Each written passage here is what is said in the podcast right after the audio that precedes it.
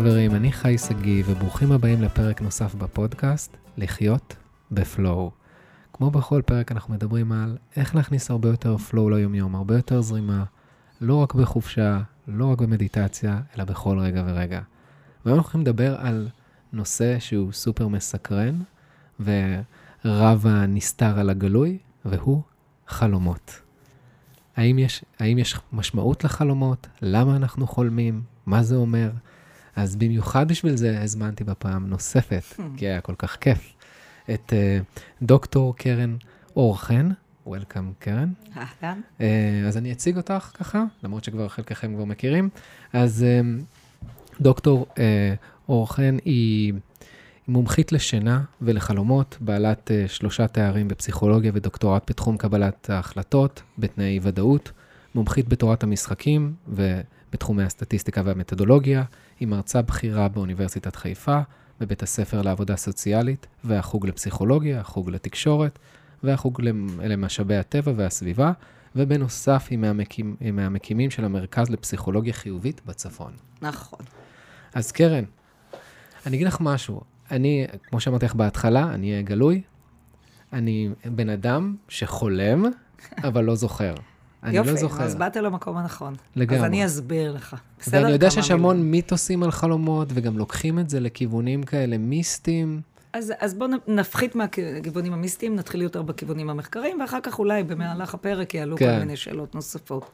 טוב, אני אחזיר את המאזינים שלנו למי שהקשיבה לפודקאסט על השינה, אז אנחנו... ואם דיבר- לא, תעשו את זה. ברור. תחזרו אז אנחנו אחורה. דיברנו שהחלומות בעיקר מתרחשים בשלב בתוך מעגל השינה שנקרא שנת הרים.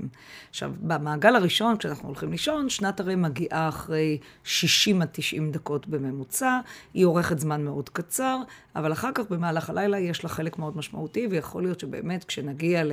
נגיד הלכנו לישון ב-12 בלילה ועברנו ארבעה מעגלי שינה, אנחנו נגיע כבר למעגל שבו שנת הרם, שבה מתרחשים החלומות, תופסת חלק מאוד גדול ממעגל השינה. מה זה בעצם מלמד אותנו? שכולנו חולמים, ולא פעם אחת בלילה, אלא מאות פעמים בלילה. כל פעם כשאתה נכנס לשנת רם, ושנת רם בניגוד לשנה עמוקה, היא תמיד קיימת, אתה חולם. חלומות עכשיו- שונים. שונים. אנחנו אחר כך נדבר על סוגי החלומות והכול. אז בעצם עכשיו באמת השאלה שאתה מעלה, והרבה אנשים אומרים לי אפילו בצורה מאוד בוטה, אני לא חולם. אני אומרת, אין דבר כזה, כולם חולמים. אבל מבחינה מחקרית אנחנו מצאנו ארבע סיבות מדוע חלק מהאנשים זוכרים את החלומות ולא זוכרים את החלומות. עכשיו, חי, חשוב להגיד, אתה פה לוקח את זה לקיצון, אתה אומר, אני לא זוכר כנראה אף אחד מהחלומות לא, שלי. אני זוכר אולי איזה אחד, שתיים, ואז אני אומר לעצמי, אוקיי, טוב, זה לא מציאות, הכל בסדר, אני אמשיך, אני לא נותן לזה שאלה משמעות. מצוינת, אנחנו נדבר על זה, אוקיי? בתוך הדברים. אבל יש, רוב האנשים מתחלקים לשלושה סוגים. יש כאלה שיגידו שכל לילה הם זוכרים את החלומות, יש כאלה שיגידו שהם לא זוכרים בכלל את החלומות, ורוב האנשים זוכרים בתקופות ויש מסוימות. כאלה שגם מתאמצים ורושמים, זה כאילו... אנחנו נדבר על זה, אם הטיפ הזה טוב, אנחנו נדבר על הדבר הזה, אבל למי שזה מאוד חשוב. בואו נתחיל מהסיבה הראשונה.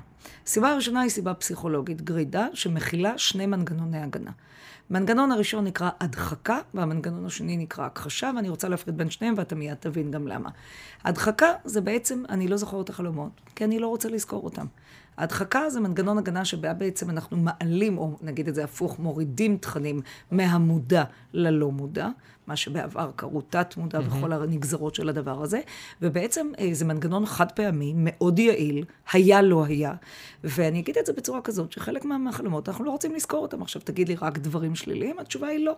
יש לנו לפעמים, אני אתן לך סתם דוגמה, נגיד גבר נשוי לאישה, והוא חולם כל הלילה חלום סקסי על השכנה שלו ממול. אני לא בטוחה שהוא ירצה לזכור את החלום הזה ליד אשתו.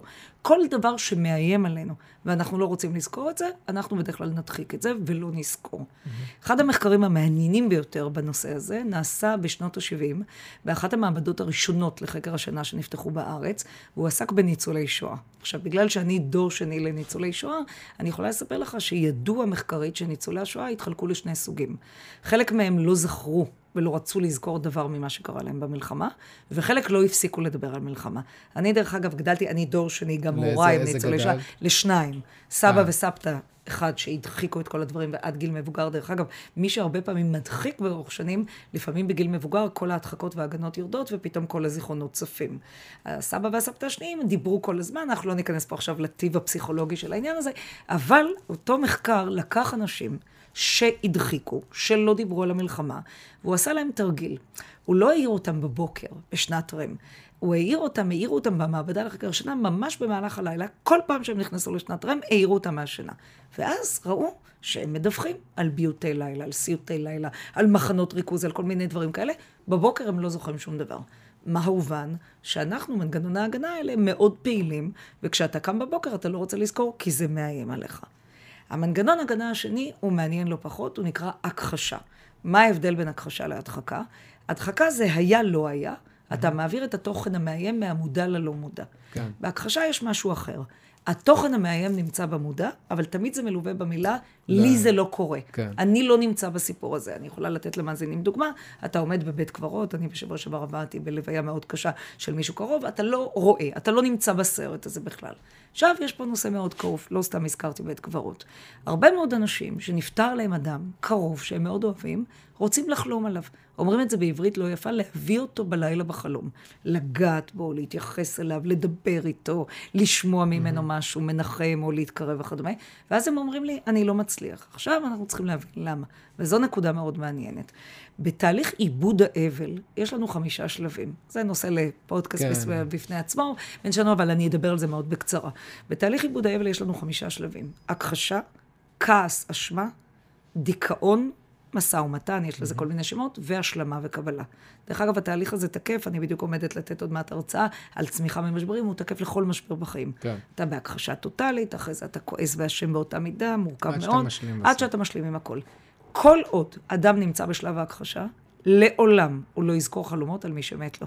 עכשיו, הכחשה יכולה להיות יום, והכחשה יכולה להיות 50 שנה. אני רוצה לספר לך שיש לי סטודנטית, בת 83, שלומדת אצלי את כל הקורסים שלי, בתור שומעת חופשית. אחיה נהרג במבצע קדש ב-1956 במלחמת סיני. פעם ראשונה שהיא זכרה חלום ודיברה איתו וזכרה את החלום, זה היה ב-2004. זאת אומרת, כל עוד אתה נמצא עכשיו, גם מבינים למה.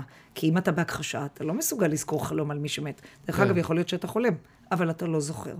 אני רוצה לומר לך שלי קרה משהו מאוד מרגש לפני כמה חודשים, ואני משתפת אותך. הבן אדם הקרוב ביותר בחיי אליי הייתה סבתא שלי מצד אבא, סבתא רוזה.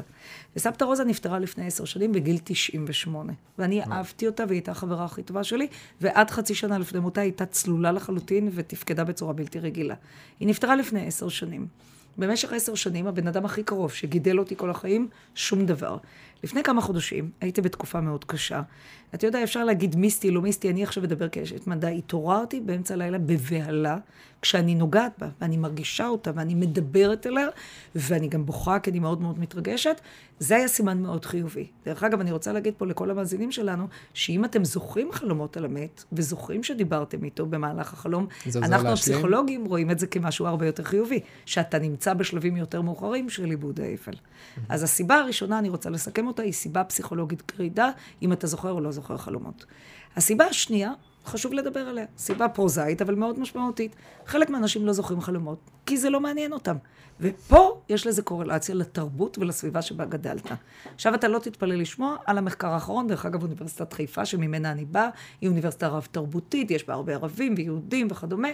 דרוזים זוכרים הכי טוב חלומות בארץ, מבחינה סטטיסטית. למה? למה? כי הם מאמינים בגלגול נשמות.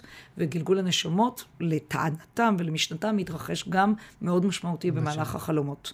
אני יום אחד אה, הנחיתי עבודת תזה של סטודנטית שלי עם פרופסור אלי זומר, על אה, דרוזים ויהודים שאיבדו את הבן בצבא, ובדקנו הבדלים בתהליכי עיבוד האבל ביניהם, ויש שינוי מאוד מאוד גדול. אז הדרוזים מבחינה סטטיסטית הם במקום הראשון.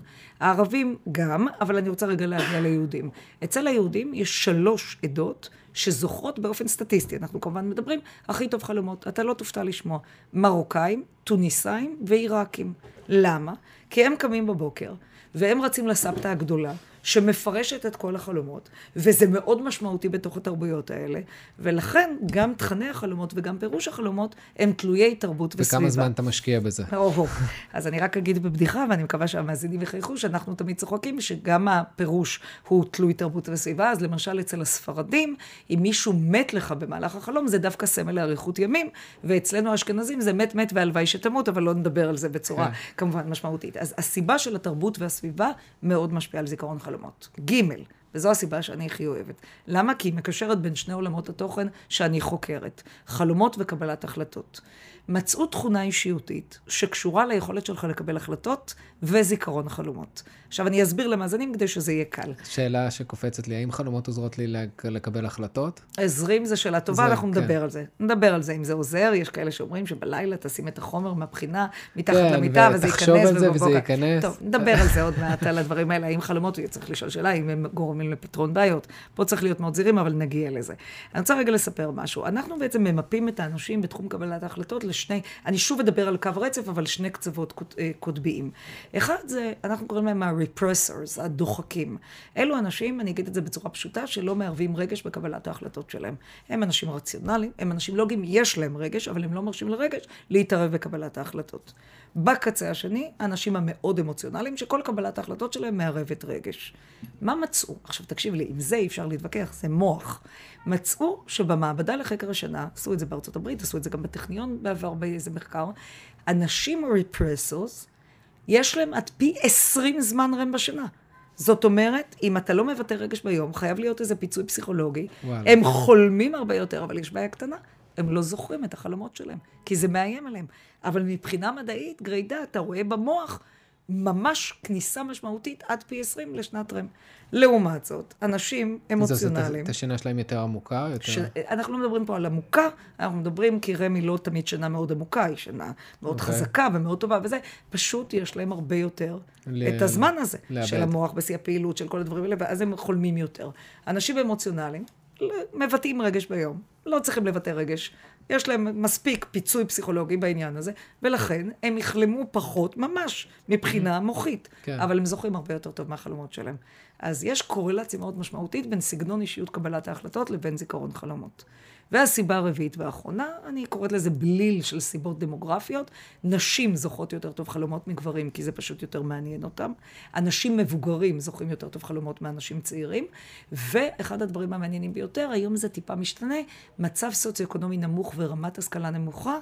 היוו זיכרון יותר טוב לחלומות. יכול להיות שזה קשור גם בארץ לעדה, וגם לאמונה במיסטיקה ורוחניות, אבל אני רוצה להפתיע אותך. אתה יודע, אני 20 שנה נותנת כבר הרצאות בעיקר על השינה. והרבה פעמים להרצאות על שינה ואיך לישון יותר טוב באים גברים, באים נשים, באים אנשים משכילים. בשנים האחרונות חל שינוי גם בהרצאות שלי על חלומות, שזו הרצאה נפרדת. בעבר היו באות בעיקר נשים, אנשים שמאמינים ברוחניות והכול. היום אנשים משכילים, אנשים זה מבינים שיש פרמטר מדעי מאוד משמעותי לחקר החלומות, ואנחנו רואים שינוי מאוד גדול.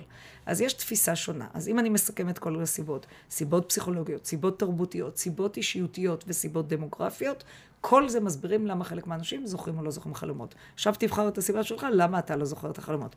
אני אגיד לך, אתה גם רציונלי, אבל לא נדבר על זה עכשיו באופן ה... אני, כן, אני רציונלי. אתה רציונלי שמשתדל להיות אמוציונלי, זה, לא, זה מורכב. אה, אני משתדל. לא, זה אמוציונלי, אתה מתאמץ בדברים האלה. אז זה לגבי הנושא הזה, אבל כן, אולי נשבור עכשיו כמה מיתוסים לגבי חלומות, שחייבים לשבור אותם. מה, פשר החלומות? לא, ו... זה יהיה הקטע הפסיכולוגי אוקיי. שנגיע אליו. אתה רואה, אתה רץ לדברים המיסטיים ואני בכלל כן. לא שם. אה, בוא נדבר על כמה זמן עורך חלום. אוקיי. שמונה עד חמש עשרה שניות בממוצע. עכשיו, אנשים מאזינים לנו, יהיו בהלם, יגידו, מה זאת אומרת? אני חולם סרטים. כן, סרטים אני... כבדים, ארוכים וכדומה. אני רץ, רודפים אחריי. זהו, זה גם חלום מאוד מעניין שנדבר עליו אחר כך. אז התשובה היא מאוד פשוטה, יש לזה שתי סיבות. קודם כל, חלום זה תהליך דמיוני. איך פרויד קרא לזה? אידיאני, שנעדר בעין חוקים של לוגיות זמן ומרחב. ואז משהו שניות יכול להיחשב כדקות ושעות. אבל אם שמעו אותי גם בפודקאסט הקודם, שכדאי לשמוע על השנה, אז יש לנו לקראת הבוקר שעה. מתוך השעה וחצי של מעגל השנה, זה כבר שנת רם. אז קודם כל, אתה בעיקר תזכור חלומות שתתעורר לקראת הבוקר, כי התעוררת ברם, mm-hmm. אבל יש עוד משהו מעניין, בגלל ששנת הרם אורכת שעה, אז יש לנו הרבה הרבה אפיזודות של חלום שמתגבשות, זה נקרא קונסולידציה, לכדי חלום אחד, ואז הוא נראה לך יותר ארוך. אוקיי, שאלה שנייה, מאוד חשובה. כמה זמן אתה תזכור חלום? אחרי שאתה מתעורר ממנו. זיכרון של חלום זה כמו זיכרון קצר טווח, 15 דקות בממוצע גרוסו מודו. אבל, בדרך כלל מה קורה? התעוררת, נגיד כן היה לך חלום משמעותי, ואתה כן זכרת אותו חי בבוקר, אבל התחלת לרחוץ שיניים, התחלת לדבר בטלפון, התחלת לעשות היום, החלום נעלם. האם הוא נעלם ללא מודע? לא תמיד. הרבה פעמים הוא נעלם לרמת מודעות שאנחנו קוראים לה קדם מודע, פרה מודע. Mm-hmm. ואז הרבה פעמים קורה שבמהלך היום קורה משהו, ואתה אומר, איך, חלמתי על זה בלילה. נכון. זאת אומרת, זה קופץ. גם אם אני מספר את זה לאנשים, אז... מספר אני... זה כבר שינון. ברגע כן. שאתה מספר, זה, זה כבר לא זיכרון קצר טווח, זה זיכרון ארוך טווח. Mm-hmm. ואז הסיכוי שלו להיזכור הרבה יותר גבוה. עוד שאלה מעניינת, האם חולמים בשחור לבן או בצבעים? פה הייתה דילמה שנים. התשובה המדעית כיום היא... איך אפשר לדעת את זה? כן, קודם כל אפשר לדעת את זה, כי בשנת רם אמרנו שהמוח בשיא הפעילות שלו, ודם זורם לכל האיברים, והמערכת האוטונומית בשיאה, ועצב הראייה מאוד פעיל, כל הקורטקס העליון פעיל. אז אפשר לעקוב, יש לנו סריקות מוחיות שיכולות לראות האם הרצפטורים האכרומטיים, השחור לבן, או הרצפטורים הלא אכרומטיים, הם אלה שפעילים בזמן השנה, בדיוק של שנת רם. שנים חשבו שרק שחור לבן. ממש ראו רק את הפעילות של הרצפטורים האכרומטיים. היום כן יודעים, ואז חשבו שבעצם אתה יוצק צבע לחלום, משהו מדומה, כמו תנועה בפיזיקה מדומה. אה, ואז עשו מחקרים, בדקו עיוורים מלידה ועיוורים במהלך החיים, ואז כאילו ראו שעיוורים מלידה יש להם פחות צבעים, ואז הניחו שזה. היום המסקנות כבר מאוד השתנו, אנחנו מזהים כן איזשהו רצפטורים פעילים שפעילים במוח בצבעים האלה, ולכן באמת חלק מהדעות השתנו. עוד מיתוס כזה, או לא מיתוס, צריך לשבור את זה. אה, הרבה פעמים כשאנחנו ישנים, אנחנו דיברנו על, ודיברתי על זה הרבה בעבר בהרצאות שלי, אנחנו, הגוף שלנו בשיתוק. דרך אגב, תשאל למה הגוף בשיתוק? המוח הרי בשיא הפעילות שלו הוא יותר פעיל לפעמים מאשר בערנות. הגוף בשיתוק משום שאנחנו לא רוצים לזוז, המוח מגן עלינו. תאר לך שכל חלום שאתה רב עם מישהו, היית רב, כן. היית נופל מהמיטה. אבל, הרבה פעמים אנשים חווים כשהם מתעוררים, ודיברנו שהם מתעוררים כנראה משנת רם, תופעה מאוד ידועה שמאוד נלחצים ממנה, ובאתי היום בעצם להרצות, ובפודקאסט נוסף שדיברתי על זה, אז אנשים כתבו לי, כל הדתיים, זה לא, זה כן, אבל בואו נדבר על זה בצורה פיזיולוגית. שיתוק שינה. אדם מתעורר בבוקר, משותק, כי הוא עדיין בשנת רם. העיניים כבר פקוחות, המוח ממילא היה בשיא הפעילות, mm-hmm. אבל הגוף שלך משותק. עכשיו, אנשים נורא נלחצים מזה. הם חושבים הרבה פעמים שהם צריכים להילחם בזה, כי באמת הם נבהלים מזה שהם משותקים, ואז הם עושים פעילויות שעוד יותר נעולות את הגוף.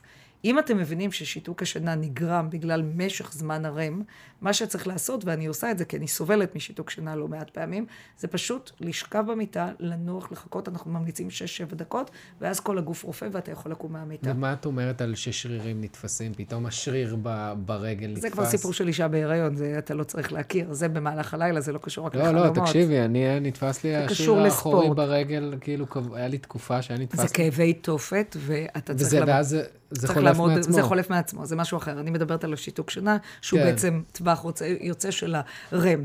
דרך אגב, כמה אנשים דתיים, ואני לא שאני אומרת את זה, אמרו לי, לא, זה את לא מבינה, זה השיתוק, כי אני צריך להגיד מודה אני. הרי בעצם תפילת מודה אני של הדתיים, זה בעצם אני מודה שהחזרת כן, לי נשמתי. את החיים, ובעצם כאילו השיתוק הזה נעלם. אבל אם אנחנו לא מתעסקים בהיבט הדתי, יש לזה משמעות מאוד גדולה. והדבר האחרון שאני רוצה להגיד, לפני שבאמת ניכנס לתוך הפסיכולוגיה של החלומות והפילוסופיה של החלומות וכל הדברים האלה, הדבר האחרון זה הנושא הזה של אה, הרבה פעמים כשאנחנו חולמים, ואנחנו נמצאים בחלום, אנחנו מכניסים גירויים חיצוניים לתוך החלומות. מזגן שמישהו מווסת את החום או הקור, טלוויזיה שנכנסת לתוך כלב החלומות. שנובח. כלב שנובח ואתה חולם על זה, אימא קוראת לך ואתה ממשיך לחלום עליה, שעון מעורר שאתה מכניס לתוך החלומות. ואת זה אתה זוכר. אה, אתה זוכר כי אתה מתעורר בשנת רם וכבר כן. דיברנו על זה. אז uh, הפסיכולוגיה אומרת פה משהו מאוד מעניין. Uh, פרויד אמר את זה, הוא אמר כבר אז ב-1900, כשהוא בעצם הוציא את הספר, פשר החלומות, שאנחנו בעצם מכניסים את הגירויים החיצוניים לתוך החלומות כדי לשמור על שינה רציפה. אנחנו בעצם לא רוצים להתעורר מכל רעש. אז אני יכולה לספר שבהרבה ספרי, ספרי פסיכולוגיה יש איזה סיפור על בחור שחלם שהוא נמצא בזמן המהפכה הצרפתית ב-1789, עומדת לרדת לו הגיליוטינה על הראש, והוא התעורר, הקרש של המיטה נשבר. אז אני תמיד מספרת שלפני כמה חודשים, סטודנטית שלי, באמת, זה סיפור אמיתי, היא סיפרה לי שהיא חלמה שהיא שחרזדה באלף לילה ולילה, ויש לה איזה תרבוש ענק על הראש, היא התעוררה, החתול שלה נרדם לה על הראש. אז הרבה פעמים אנחנו מכניסים, ובאמת בדקו את זה גם בניסויים מעבדתיים, ובטכניון למשל לקחו סטודנטים, מאוד התעללו בסטודנטים בטכניון. זה נשמע ש... כל הדבר הזה התעללות, לא אור להעיר אנשים. אני רוצה להגיד משהו ככה אישי פה, אבא שלי הוא מרצה בטכניון להנדסת חשמל, עדיין עובד, בגיל 81, והוא סיפר לי שבשנות ה-70, כשהיו אה, רוצים להרוויח כסף, סטודנט היה רוצה להרוויח כסף, הוא היה נבדק במעבדה לחקר השנה, ופשוט התעללו באנשים. אז מה למשל עשו אז? היו מכניסים אותם, וכל פעם שהם נכנסו לשנת רם, טפטפו להם מים על הראש. עכשיו, הם התעוררו, כולם חלמו על סירות, על גשם, על אוניות, על ים. זאת אומרת, אין ספק שאנחנו מכניסים את הגירויים החיצוניים לתוך החלומות שלנו כדי לשמור על שינה רציפה. אז רגע, מה, בא, מה החלום בא להגיד לי, אם חלמתי חלום מסוים? שאלה טובה. קודם כל, לא תמיד הוא בא להגיד, אנחנו צריכים לדבר על זה בעניין הזה. אז באמת אולי נגיד כמה דברים על פירוש חלומות, ועל סוגי חלומות משמעותיים, אבל אני אתחיל מהדבר החשוב ביותר. כאילו, אם כל המאזינים מכל השעה הזאת רוצים לזכור דבר אחד, זה שהחלום היחיד שאנחנו הפסיכולוגים בכלל מתייחסים אליו, ואומרים שאולי שווה לתת את הדעת, ואולי ללכת לטיפול בגינו, או לפחות לשיחות, זה נושא של חלום חוזר. חלום חוזר מעיד בדרך כלל על קונפליקט, והוא חוזר בדיוק באותו פורמט. הוא יכול כל לחזור כמה תוך זה. שחוזר, את זה שאלה מתכוונת, טובה. זה יכול להיות תוך? יומיים, זה יכול להיות תוך חודשיים, זה יכול להיות תוך שנתיים, אבל הוא חוזר בדיוק אותו דבר, ואתה הרבה Mm. פעמים גם זוכר אותו כהחלום הזה וכדומה. כל המחקרים הפסיכולוגיים מראים שברגע שאתה מדבר על החלום הזה, והוא מעיד על איזה קונפליקט, בדרך כלל הוא נעלם לאחר השיח ולאחר הטיפול. אני יכולה להגיד את זה אפילו באופן אישי.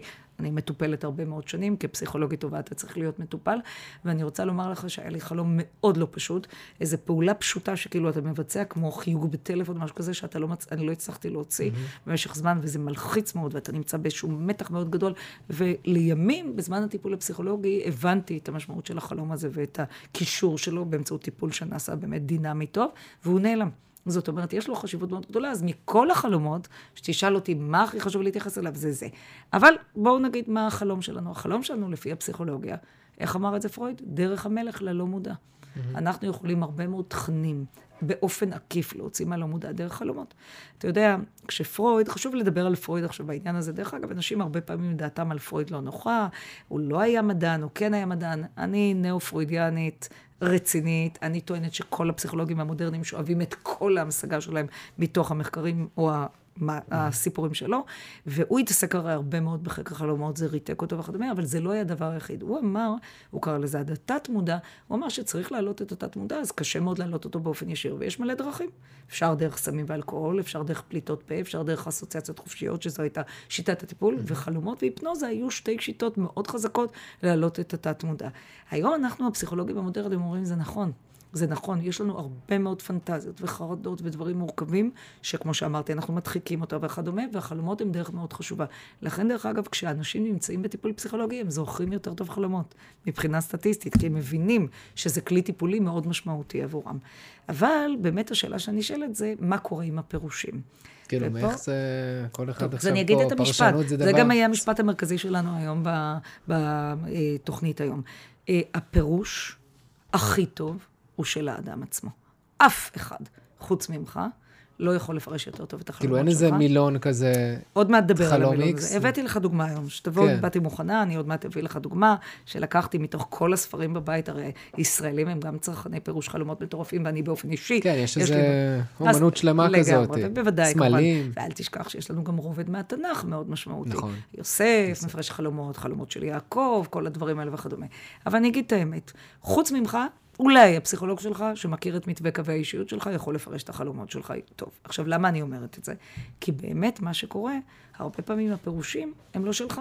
אתה בא לחבר בבוקר, אתה אומר לו, חלמתי את החלום, תפרש לי את החלום, הוא מפרש את זה לפי האסוציאציות שלו. עכשיו, הרבה פעמים זה נראה כמו אסטרולוגיה, לא שאני מזלזלת באסטרולוגיה, אבל זה נראה שזה מתאים לכולם. פרשנות, ומה עושה בדרך כלל כל בן אדם? מאמץ לעצמו את נכון. הפירוש שהכי מתאים לו. סתם דוגמה, נתתי לסטודנטים שלי לפני כמה שיעורים, נתתי להם אה, את הסמל מאוד ידוע בחלומות, שאל תגיד כלום, כי זה יראה מאיזה עדה אתה, אה, שיניים נופלות בחלום. אוקיי. שיניים נופלות בחלום, אני רק רוצה להזהיר, יש 36 פירושים למה זה שיניים נופלות בחלום. מכסף למוות, לב- ל- בנושא של לידה, הרבה נשים בהיריון חולמות על זה בגלל שהרבה פעמים השיניים בזמן ההיריון מאוד נפגעות. עכשיו, מה אתה עושה? זה תלוי איפה גדלת, מה התרבות שמייחסים לזה וכדומה. לפני כמה שבועות, אני ככה מאוד הצטמררתי, הביאו לאיזושהי תוכנית טלוויזיה, לא נגיד באיזה ערוץ, הביאו אה, בחורה מהישרדות, והביאו איזה פרשן חלומות, והיא אמרה שהיא חלמה על שיניים שנופלות בחלום, והוא אמר לה, מישהו עומד למות במשפחה. עכשיו, זה דבר שמיד נדבר זה עליו. מכניס מאוד אמונות. מלחיץ. אנחנו מיד נדבר בכלל אם חלומות הם נבואים, ויכולים בכל הדברים. לכן אני אומרת, אנשים נורא צריכים להיות זהירים. ואני אתן דוגמה היום, עכשיו, למשהו שככה לקראת התוכנית היום, אמרתי, אוקיי, בוא נמחיש כמה זה לפעמים מגוחך. אוקיי. ומצד שני, אני גם אתן דוגמה איך פירוש נכון של פסיכולוג, שנמצא, המטופל נמצא בטיפול, ואתה באמת את מבין את האישיות. האסוציאציות ומכיר את האישיות, והוא בעצם, בעצם המטופל, מבין את החלום הזה יותר טוב מכולם, איך יכול לעשות פלאים בזיהוי של דברים, ואז למשמעות של החלום שאתה מדבר עליה יש הרבה דברים. אני רק אגיד משהו לגבי, אני חייבת להגיד את זה, חלומות נבואיים, עוד פעם, לא כמיסטיקנית, אלא כאשת מדע. אני תמיד מספרת שהרי זה תלוי תרבות וסביבה. ותרבויות שמאמינות בדברים האלה, גם מרגישות שאפשר לנבא דברים באמצעות החלומות. אז יום אחד מגיעה אליי סטודנטית שלי, קפקזית. קפקזים הם מאוד מאמינים בפירוש של חלומות. Mm-hmm. הם ספרדים, הקפקזים, כן. הגרוזינים בתרבות שלהם. והיא באה אליי בחרדה נוראית ואומרת לי, קרן, אני חייבת לדבר איתך, את הרי מומחית לחלומות. אני חולמת כל לילה שחמותי הולכת למות. אמרתי לה, גברת יקרה, כל הנשים בעולם חולמות שהחמות שלהם הולכת למות. אחרת, איפה יהיו הפנטזיות שלנו? טוב, אני מקווה שהמאזינות שלנו אומרים, עכשיו okay. קלטי נחמדה, נדבר okay. על זה בהרצאה אחרת. עכשיו, מה קרה? חמותה מתה אחרי שבועיים. עכשיו נשאלת שאלה מאוד חשובה, האם חלומות יכולים להתגשם? אני בתור אשת מדע אגיד שלא. מדובר בצירוף מקרים בלבד.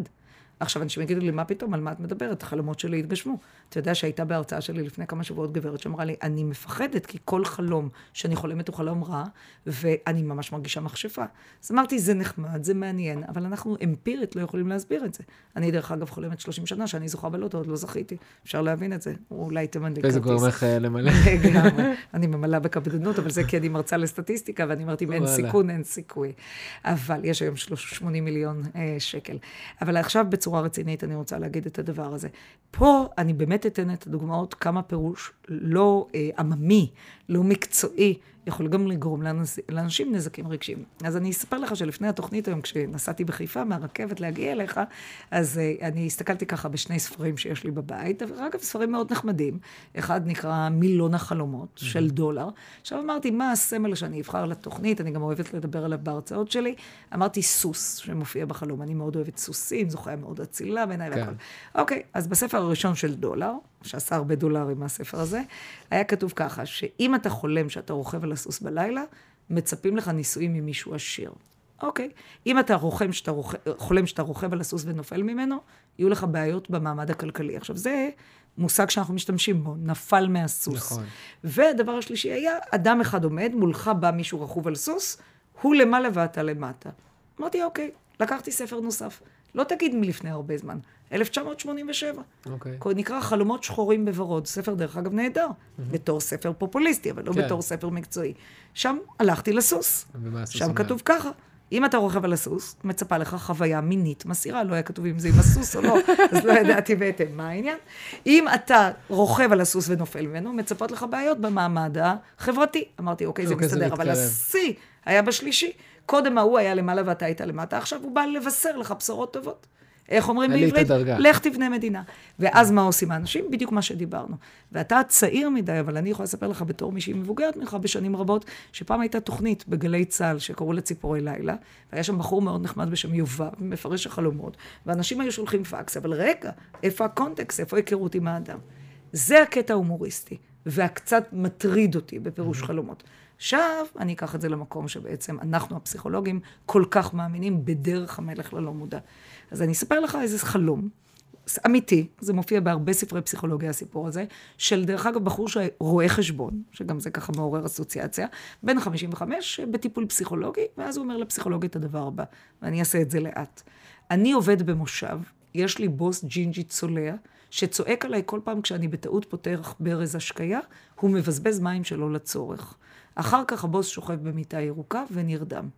עכשיו, בדרך כלל אני פורסת את החלום הזה בהרצאות שלי לפני הסטודנטים, ואני אומרת להם, מה, מה זה אומר?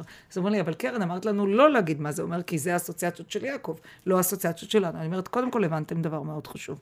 דבר שני, מישהו תמיד זורק, בטח הוא רב עם הבוס שלו. אה, ואז אני פותחת עוד נישה מאוד חשובה בפסיכולוגיה. יש לנו אסכולה בפסיכולוגיה די חדשה, שנקראת האסכולה הקוגניטיבית, mm-hmm. שהתחילה בשנות ה-60 של המאה ה-20, שהיא בעצם מדמה את המוח למחשב. כל התהליכים של זיכרון ותפיסה וקשב וקבלת החלטות. התואר השני שלי הוא בפסיכולוגיה קוגניטיבית. הפסיכולוגיה הקוגניטיבית אומרת שחלום זה בסך הכל תהליך עיבוד מידע של מה שקרה לנו במשך היום. חלה, משהו קרה במשך היום, העלית אותו שוב, ניתחת אותו, זרקת לריסייקל, לסל מחזור כמה דברים וכדומה. עכשיו אני אומרת, אוקיי, יכול להיות, אבל יש פה יותר מזה. זאת אומרת, חלומות הם לא רק תהליכי עיבוד מידע, כי יש לנו חלומות גם שלעולם לא קרו לנו, ולא דברים שעשו. אני זוכרת שבזמנו, כשלימדתי בבית הספר לרפואה בטכניון, אה, נתתי שאלה לסטודנטים, שאלה בבחינה קלה, אמרתי להם, החלום שלי על הבוס שלי בלילה. יכול להיות א', פנטזיה, ב', ציוט, ג', עיבוד מידע של מה שקרה לי במהלך היום, ד' כל התשובות נכונות. כל התשובות. אז כל התשובות כמובן נכונות, אתה תלמיד טוב, תוכל ללמוד רפואה, כשתרצה בעתיד. אבל עכשיו בצורה עניינית, אני רוצה להציג את החלום של יעקב. ופה אני רוצה לספר לך מה יעקב הבין מהחלום הזה, וזה כבר משהו מרתק מאין כמוהו. יעקב, אם מול הפסיכולוג, הפסיכולוג מתחיל לשאול אותו, מה האסוציאציות שלך? ככה דרך אגב בדרך כלל מתנהל טיפול פסיכולוגי, מה האסוציאציות לחלום? וואלה, באמת חי, הוא רב עם הבוס שלו יום קודם. סוף שנה, מאזן כספים, עשה איזה טעות, הבוס ברוגז. כעס עליו. אבל יש בעיה, לא, רגע עם הברוגז. אבל הבוס שלו הוא לא ג'ינג'י ולא צולע. מג'ינג'י וצולע, ואז, עכשיו, מה שאני מתארת עכשיו בשתי דקות, יכול לפעמים לקחת חודשים. כן. אסוציאציות שהן מאוד משמעותיות, ואתה קושר אותן, תפקידו, דרך אגב, של פסיכולוג טוב, זה הרבה פעמים גם לקשור אותן. מסתבר שהג'ינג'י זה מורה למתמטיקה. שהוא שנא אותו. בבית ספר מהילדות שלו, שהיה משפיל אותו. דרך אגב, עם זה אני יכולה להזדהות, גם לי היה מורה כזה, שהיה קורא לנו ללוח ומשפיל אותנו מאוד. הצולע זה מדריך בצופים שהיה לו. עכשיו, המדריך הזה היה שמנמן, אוקיי? סליחה, המדריך היה צולע ויעקב שלנו היה שמנמן. עכשיו, לא, החוצפה של המדריך, שהוא היה כל הזמן, אומר ליעקב שבגללו מפסידים במשחק. הפוסל במומו פוסל. מה בעניין המים?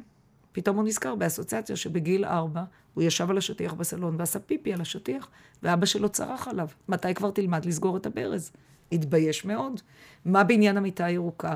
דרך אגב, מאוד מצחיק שכשאני מעלה את זה בהרצאות לקהל הרחב, אז אנשים מתחת לגיל 30 אומרים שירוק זה דולרים ודשא ושנטי, ואנשים מעל גיל 60 אומרים מיטה בחדר ניתוח, אה, סדינים כן. ירוקים בבית חולים. עכשיו אתה יכול לבחון את עצמך אם אתה צעיר או מבוגר. מה המיטה הירוקה? הדודה שלו חלתה באותה תקופה, כשהוא היה בערך בן חמש-שש, היה לה סרטן, היא מתה זמן קצר, וגם הכלב שלו הרדימו אותו באותה תקופה. מה בעניין המושב? שואל אותו הפסיכולוג, הוא אומר, וואלה, אין לי שמץ של מושג. אבל אז פתאום עולה עוד אסוציאציה. הוא נזכר, יעקב שלנו, שלפני שבועיים הוא הלך ופגש ידידה שלו שלומדת פסיכולוגיה. ואז הוא סיפר שהוא, ש- יעקב סיפר שהוא בטיפול אצל הפסיכולוג.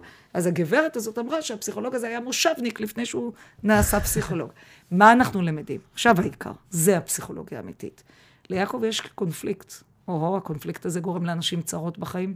בדיוק הבוקר דיברה איתי חברה על הבת שלה, שסובלת מהקונפליקט הזה. זה נקרא בשפה שלנו קונפליקט עם דמות סמכות. קשה לו מאוד לקבל מרות. דרך אגב, אתה יודע, האנשים האלה קשה להם בחיים. כן. קשה להם בצבא, הם לא יכולים להיות שכירים, הם הרבה פעמים, אתה יודע, בגיל מסוים זה נחמד, באיזשהו שלב זה כבר התרסה שהיא מעצבנת. שאנשים, בכל זאת, אנחנו חיים בחברה, שיש ציוד, שיש סמכות, שיש מרות. מה הוא מייחל לכל אותה- אותם בעלי סמכות? שהם ימותו. וכך אפשר להמשיך עוד שעות ארוכות. אז כשחלום, מלבנים אותו, ומבינים אותו, ומכניסים אותו לתוך הקונטקסט הנכון. ושהבן אדם מפרש אותו. והבן אדם מפרש אותו, זה הדבר הכי נפלא שיכול לקרות. וזה באמת המשמעות של מה שגם פרויד דיבר עליו, וגם אנחנו, כל הפסיכולוגים, מדברים על המשמעות של הדברים. אז זה. פחות המשמעות של סמל מה הוא אומר ב... נכון, נכון, למרות שלפעמים לסמלים מסוימים יש, תראה, יש גם שבטים. יש סמלים של, של, של תרבות. אז- נכון, יש דרך אגב, יש שבט במלזים, או המלזים, המוסלמים, יש להם למשל איזה שבט נקרא סיני, שהם בבוקר יושבים ומספרים את החלום, ולפי זה נוקטים גם במהלך היום. אמ, רציתי לשאול, אמ, מה זה, איך, איך אנחנו, איזה חלום הכי זוכרים, כאילו? יש איזה, זה? שאלה טובה, עשו על זה הרבה מאוד מחקרים. חלומות רעים נזכרים הרבה יותר מחלומות. אה, וואלה. זה. עוד מעט נדבר בכלל על סיוטים, יש היום, דרך אגב, תיאוריה מאוד מעניינת, לדעתי, עוד לא לגמרי אה, מחוזקת אמפירית, שסיוט מתרחש במהלך כל הלילה. זאת אומרת, בכל פעם שאתה נכנס לשנת רם, הסיוט מקבל עומק רגשי יותר עמוק. ואז אתה מתעורר מילי שנייה לפני שהוא מתרחש, כי אתה כבר לא מסוגל להכיל אותו בתוך הדברים האלה. אבל אני כן אגיד משהו שתלמידו של פרויד, יונג, דיבר עליו, זה נקרא התת-מודע הקולקטיבי שלנו. Uh, הרבה מאוד חלומות, ורוב האנשים שאני שואלת אותם בהרצאות שלי אומרים, כן, כן, חלמתי את זה. Uh, אתה רץ ומשותק ולא יכול יותר לזוז. אתה רוצה לצעוק ולא יוצא קול מהפה שלך. הגל גדול עוטף אותך. אתה נופל, אבל הפעם הנפילה למיטה, אתה יודע, אבל מישהו יורה. מישהו יורה וכדומה. יונג טען שהם חלומות בעצם שהם שריד לאבולוציה שלנו. כי בעצם בעלי חיים, החלומות שלהם, ומיד אני אגיד איך. יודעים, הם הישרדותיים, של התקפה, של הגנה והכל, ובעצם החלומות האלה, ואפילו פסיכולוגית אומרים, שככל שאתה חולם חלומות כאלה יותר, אתה יותר בריא בנפשך. כי אתה משחרר בלילה את החלומות החרדתיים. אז יכול להיות שאתה תזכור אותם, תזכור אותם והם ילחיצו אותך, אבל יש בזה משהו מאוד חשוב. אז דווקא הפוך על הפוך הדבר הזה. ש... דרך אגב, לגבי בעלי חיים, אני רק רוצה להגיד לך, רק בשנות ה-80 של המאה ה-20, עשו מחקר די מזעזע, פגעו לחתולים במוח באזור שאחראי על רפיון שרירים, ואז כשהם נכנסו לשנת רמי, הם לא רפאו את שריריהם, ואז באמת ראו שבאמת הם נלחמים ותוקפים והכול, והבינו שרוב החלומות של בעלי חיים קשורים למנגנונים הישרדותיים. הבנתי, ועכשיו את ממליצה לכתוב את החלומות? אז תשמע, אני אספר, אני אספר את זה קודם כל. קודם כל, זה בסדר ללכת לפסיכולוג, אבל אני אספר קוריוז נחמד בעניין הזה. יום אחד בא אליי איזה פרופסור באוניברסיטת חיפה למתמטיקה, והוא אומר לי, תקשיבי, קרן, אני יודע שאת מומחית לחלומות, אה, מה את ממליצה איך לזכור יותר טוב את החלומות? אז אמרתי לו, פרופסור יקר, אתה יודע, אומרים שתשים אה, מחברת ועט ליד המיטה, וכל פעם כשתתעורר תכתוב את החלומות, ואז תזכור אותם יותר טוב. אחרי שבועיים הוא בא אליי ממש בחרדה. הוא אומר לי, קרן, את חייבת לקחת ממני את הטיפ הזה, כי כל הלילה אני רק עסוק באיך לרשום, ואני בעצם וואלה. לא ישן כל הלילה.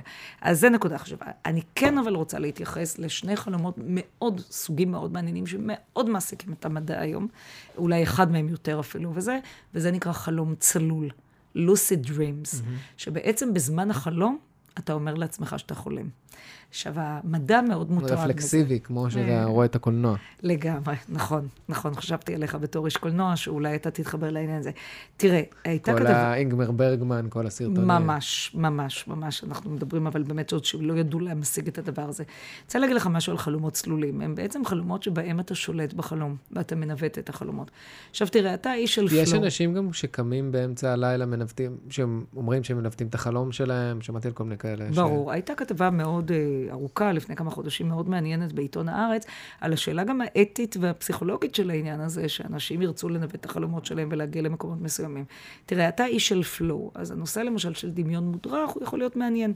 אתה יכול אה, לקראת הלילה לחשוב על כל מיני דברים, לעשות תהליכים, ואז יכול להיות שחלק מהתכנים האלה, כמו שאמרנו, הם יופיעו בחלומות. כמו שטלוויזיה מופיעה בחלומות. כן, אבל אני... לי מאוד מפריע שמה שמתגלה מחקרית, שהרבה מאוד מהאנשים שנכנסים לתוך החלום הצלול מתמכרים לזה, ואז הם הופכים להיות מין חולי שליטה, כאילו שהם כל הזמן חייבים לשלוט בתכנים והכול. ואז נשאלת השאלה, יש לך מקום אחד בלילה שאתה יכול לשחרר לאבד. שליטה ולאבד את הכל, ואתה נכנס למקומות שאתה מנתב את הדברים האלה. המחקר מאוד עצום היום בדברים האלה, כי בעצם הוא גם עוסק ברמות מודעות שונות.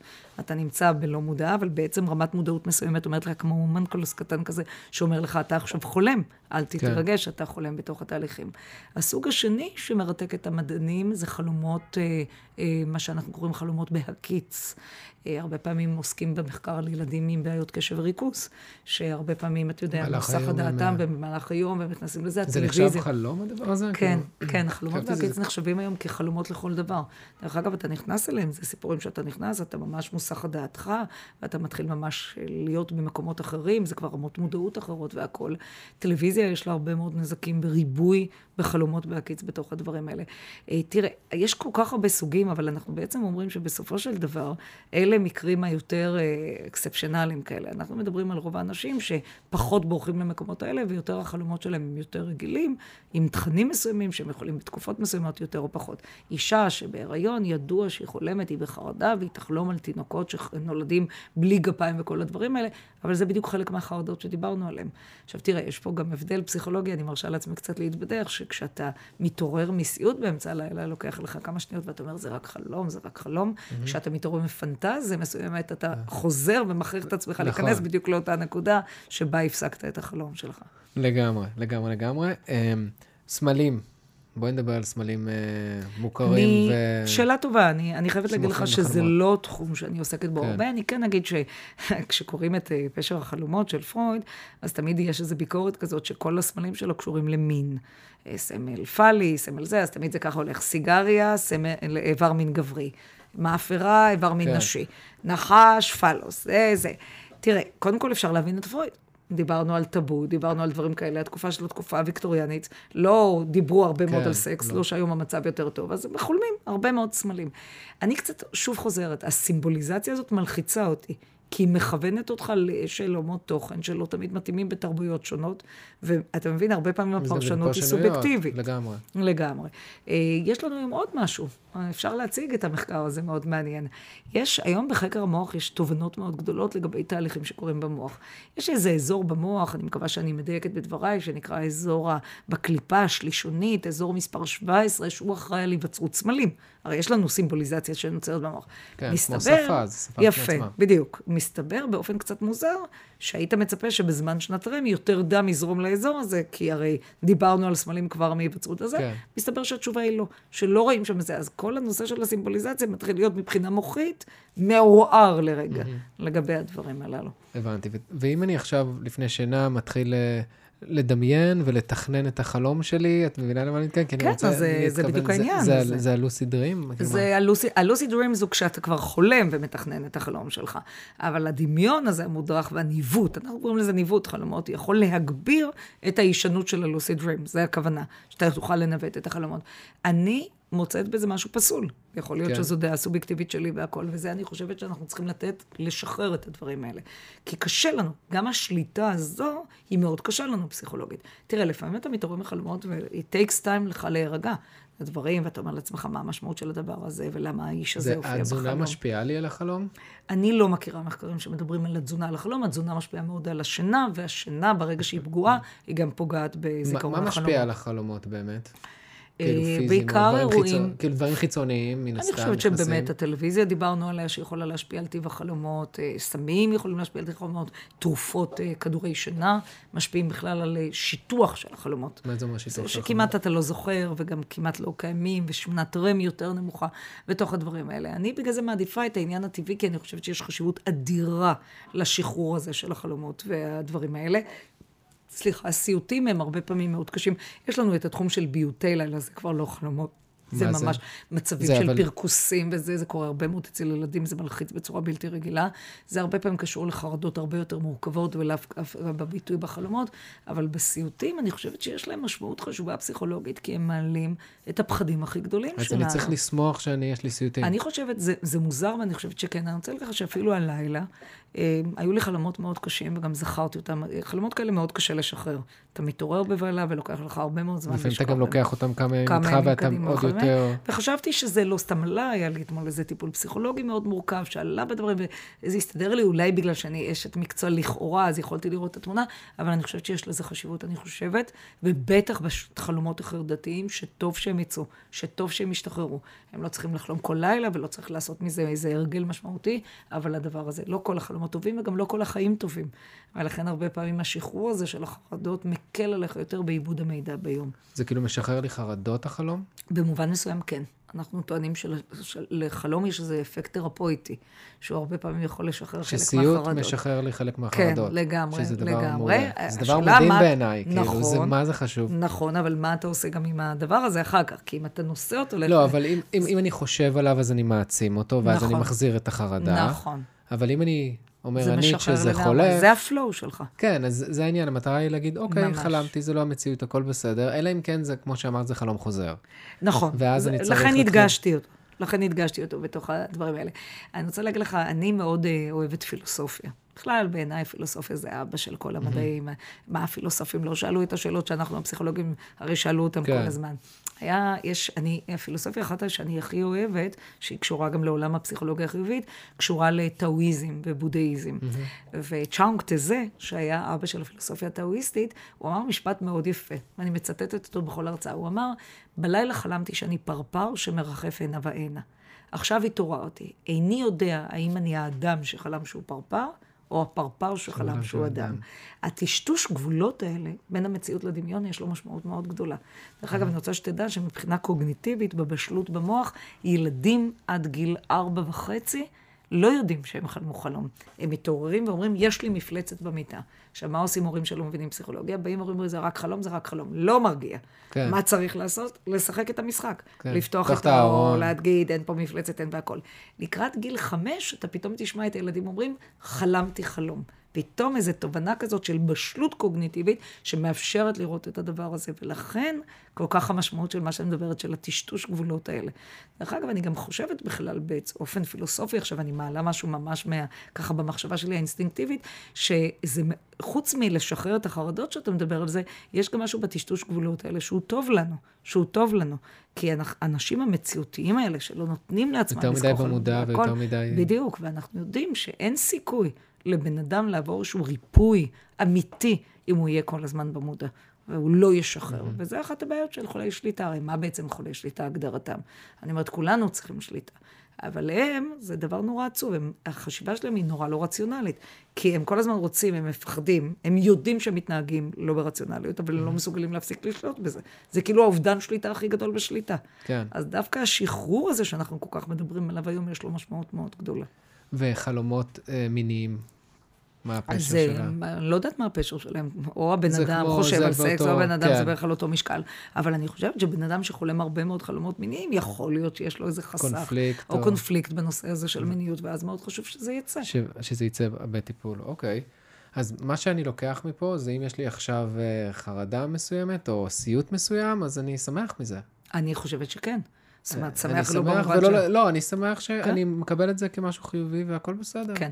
אני משתדלת לא לעקוב אחרי העניין הזה. אני זוכרת, אני זוכרת, אני לא זוכרת, אני לא זוכרת, אני לא מכריחה את עצמי לחזור יותר, אבל אני חושבת שהרבה פעמים, תראה, בחלום החוזר זה פשוט מתבקש, שאתה שחררת שם איזה מתח ואתה צריך לבדוק מה המקור המתח הזה ולטפל בו. אבל בחלומות של חרדה משתחררים זה הדבר הכי נפלא אני פשוט, שיכול. להיות. אמרתי לך, אני פשוט מתעלם מזה. אני פשוט אומר, אה, אני פשוט אומר, אוקיי, חלמתי, זה לא המציאות, הכל בסדר. אבל ו- אתה רואה, אתה עושה פה משהו כאילו, זה לא המציאות, אז מה, כי זה רע? אולי זה דווקא רע ש... שאלה. אני, ו- לא, אני אגיד לך מה אני אומר, זה לא המציאות, זה לא המציאות עכשיו. כי אם אבל אולי זה כן המציאות. אם אני הולך... אולי זה העלה משהו רגע, ש... אם אני הולך מבחינת אה, פילוסופיה של מדיטציה, הכל חולף. גם החלום חולף. אני אומר, ככה אני חושב, בגלל זה אני אומר, זה לא המציאות, בסדר. אז מה שאתה עושה עכשיו, זה אנחנו הפסיכולוגים קוראים לזה סוג של רציונליזציה, שאתה משכנע את זה בהתאם למה שאתה מאמין. אבל אתה יודע, החלום חולף זו שאלה נהדרת, ואם החלום הזה חוזר כל הזמן באופן משמעותי והוא מעיד על קונפליקט, אז אולי תשחרר את הקונפליקט שהוא יחלוף. זו אוקיי. גם אה, שאלה חשובה. כן, אם הוא חוזר, אני מסכים איתך, אבל אם זה עכשיו חלום סיוט או חלום טוב, אוקיי, זה חולף. אני לא לוקח, אני אני כאילו לא נותן. לזה משמעות. אני מסכימה. חלומות חוזרים שהם אה, חוזרים, מה שנקרא. כן. שהם יותר אה, נפוצים. יש כזה דבר? אני לא מכירה בספרות יש איזה- המחקרית. אין- אין איזה החלומות חוזרים הם מאוד מאוד סובייקטיביים לבן אדם. זה לא איזה סמל שחוזר בחלומות ואז כולם יודעים, אני עוד פעם נזהרת. זה שכולם רואים שיניים נופלות בחלום, למה? כי כולם מדברים על זה. אתה מבין? זה מין ביצה ותרנגולת שאתה לא יודע. אני לא מכירה בספרות, שווה לבדוק את זה אם יש חלומות חוזרים שהם שכאילו, שחוזרים כן, להרבה ש- אנשים, כאילו. או... או אז אמרתי, אז יש את התת-מודע הקולקטיבי, שזה אותם חלומות חרדה, שיכולים לחזור אצל הרבה אנשים בדפוסים שונים, כאילו, אבל מי... אני מתכוון כן. אה, תרבותיים אפילו, את יודעת, חלום לא, תרבותי פה, ש... פה אתה מעלה אבל נקודה מאוד מאוד חשובה שלא הספקנו לדבר עליה, שגם התכנים של החלומות הם תלויי תרבות וסביבה. כי למשל, אה, זה דווקא משהו שמאוד מעניין אותי. אני, בתור נערה, היה אסון מאוד קשה של משפחת הרן בנהריה, שמחבלים נכנסו אליהם הביתה, ואני זוכרת את עצמי שנים אחרי זה חולמת שמחבלים נכנסים אליי הביתה. אחרי צוק איתן, החברים שלי מבית ספר לעבודה סוציאלית ואנוכי, עשינו מחקר בעוטף עזה, ובדקנו וראינו שילדים בעוטף חולמים פי שלושים. מילדים באזורים אחרים בארץ על מוות, טרור וחבלה. זאת אומרת, האזור שלנו הוא אזור מוכה פורענות בעניין הזה של חלומות. מה נכנס הם- למוח כל היום, משפיע על ה... ברור. עכשיו, באפריקה המשוונית לא חולמים על עירום. זה עשו מחקרים אנתרופולוגיים, כי הם הולכים עירומים. ואצלנו כן החלמו על עירום. אז זאת אומרת שיש הרבה פעמים שהם טאבו חברתי, שיופיעו בחלק מהחלומות. אז כן, לתכנים של החלומות יש איזשהו אלמנט סביבתי, חברתי, תרבותי. את זה אנחנו יודעים בוודאות. שבאזורים מסוימים יחלמו סוג של חלומות אחר לגמרי מאשר באזורים אחרים. זה המון מחקרים אנתרופולוגיים הראו. זה מרתק, זה מרתק בעיניי. אתה עכשיו מתחיל לחשוב, רגע, איזה אזור אני? מה החלומות כן, אני שלי? חושבת שאנחנו מדינה קשה מאוד בעניין הזה של החרדות, אם שאלת קודם על של חרדות. הטרור של ו- הטרור. אנחנו, כאילו על פניו מה עכשיו אני אנחנו יכול שנינו לעשות? אז יושבים פשוט ואומרים, ללכת... אה, כאילו, אין פה קודם כל אני. חושבת שהם צריכים לכל המערכת של עוטף עזה, בעבר קריית שמונה, כל המקומות האלה היו צריכים לתת חוסן מאוד גדול. עוד פעם, התחלנו לדבר על השינה. כשאתה בחרדה, זה עולה בחלומות, אז צריך לשחרר את זה, לדבר על זה, לפתור את זה, להעלות את הדברים האלה, לתת, ואז באמת הדברים האלה ייעלמו. אבל זה, זה קשה, קשה מאוד. החלומות זה כמו שאתה אומר מאוד יפה, אמרת. מה שלא מדברים ביום, אתה יודע, יש הורים שלא מראים טלוויזיה לילד ושלא יראה את החדשות ולא וזה, הכל הם יודעים, הכל הם סופגים. כן. זה לא יהיה ביום, זה יהיה בלילה. כן, וגם הם שומעים מחברים, לא רואים בטלוויזיה, הם סופגים את זה ברור. בכל, אה, בכל מצב, מרגישים ברור. את האנרגיה. עכשיו. יש לנו גם תרבות מאוד קשה, זה נושא להרצאה אחרת, כל הזמן אומרים לנו, תהיה חזק, תהיה חזק, אל תראה חוסן, כן. אל תראה חולשה. אבל החולשות האלה יוצאות במקומות האלה, כשאתה יכול לשחרר. לכן החשיבות גם של השחרור והחלומות. הבנתי. כמו בכל פרק, יש לי איזה משפט ששמים על מקרר, ואת כבר מכירה את זה, זה מה אני שם על המגנט, שקשור לא, על אבל מה זה שדיברנו. המשפט שלנו היום, עם הפרפר. זה אין משפט? יותר טוב אה, מזה. טוב, טוב. בלילה חלמתי שאני פרפר המרחף הנה והנה, עכשיו התעוררתי, האם אני הפרפר שחלם שהוא אדם, או האדם שחלם זה שהוא שירה, פרפר. זה לא... זה ממש שירה. זה שירה כן, גבוהה לגמרי. וה- והמשפט השני שאני אגיד את זה, תשחררו את העיסוק, את החלומות האלה. אז זהו, זה קטע, אחרי. שאנחנו מדברים שעה, תשחרררו את זה. אני אגיד מאיפה- מה אני לקחתי, אה, של פרויד. לפעמים סיגר היא רק סיגר. לגמרי, כאילו, זה- לגמרי. זה כמו בסרטים, את יודעת, בסרטים של ליצ'קוק, אחרי שהוא, בכלל, שבמאי נפטר, מתחיל כן. לנתח כל זווית שהוא עשה, וכאילו, לפעמים סיגר זה רק סיגר. עכשיו אני נותנת קורס אה, שהוא מלווה בסרטים. אני נותנת. בכלל בסרטים חלומות, אם זה ברגמן בכלל, זה כאילו עפים על זה. גם אני כסטודנט, סרטון הראשון שעשיתי, עשיתי על, את כל הסרטי סטודנטים מהשנה א', על החלומות. חלומות, כאילו, רציתי להגיד יש קלישאות, פרדות, חלומות, זה כאילו, את. יודעת איזה שנה הם אז- לפי הסוג יודע, אז סרט. כנראה הקלישאות האלה נכונות, כי הרבה פעמים זה הדבר שמעסיק, ויש בזה משהו מסתורי ומיסטי. שים לב שלא נגענו בכלל, ואני גם לא אגע, כי אני לא, זה לא המקצוע שלי, אבל ברוחניות, במיסטיות וזה, אין ספק שהמיסטיקנים ואנשי הרוח והרוחניות מייחסים חשיבות מאוד גדולה למשמעות של החלומות שבהם. כן, לגמרי, לגמרי, לגמרי. אז אה, א', אני רוצה להודות לך, הזמן פה טס עף. ממש עף בטיל, בטיל, בטיל, אז ממש תודה רבה. בכיף. היה תענוג, היה mind blowing. mind blowing, ואני אגיד לך מה אני לוקח ממש. שוב, אמרתי את זה כבר כמה פעמים, שסיוט זה גם, סיוט זה גם לראות את זה כדבר טוב. כאילו, לתת לזה נכון. את הפרשנות של, יש לזה שחררתי. מקום, ולא להרגיש, זה לא בסדר שאני מרגיש את התחושות האלה. אני חושב שזה הדבר הכי מסוכן, שלמה אני חולם את החלום הזה. וה- נכון. יש את החלומות ויש אחרי זה את העיבוד של החלום ואת הביקורת ואת השיפוטיות שאחרי זה מכניס ללופים ואז אה, נראה לי מעצים את החלום הבא, כאילו. נכון. זה- זה, אני חושבת שזה מסר מרכזי מאוד בתוך התהליך הזה. כן, ולקחת את זה ב... לא בער- בערבון מוגבל, כאילו, אלא אם כן זה חוזר על עצמו ויש איזה loop pattern מסוים. לגמרי. מגניב. אז ממש ממש תודה רבה, קרן. תודה לכם. מדהים, מדהים, מדהים. חברים, אני רוצה להודות לכם על שהאזנתם לפרק הזה. מעניין איך יהיו החלומות שלכם אחרי הפרק הזה. אני כבר חשבתי תוך כדי מה יהיו החלומות שלי. אז uh, אתם מוזמנים לתייג אותנו איזה חלום היה לכם, באמת, ב-Hi שגיא, uh, ולשתף אנשים uh, שקרובים אליכם, יקרים לכם, שחולמים חלומות ואתם, ושואלים אתכם את הפירושים שלהם, את הפירוש, או גם אתם. אז בכיף, ת, תשתפו כמה שיותר אנשים.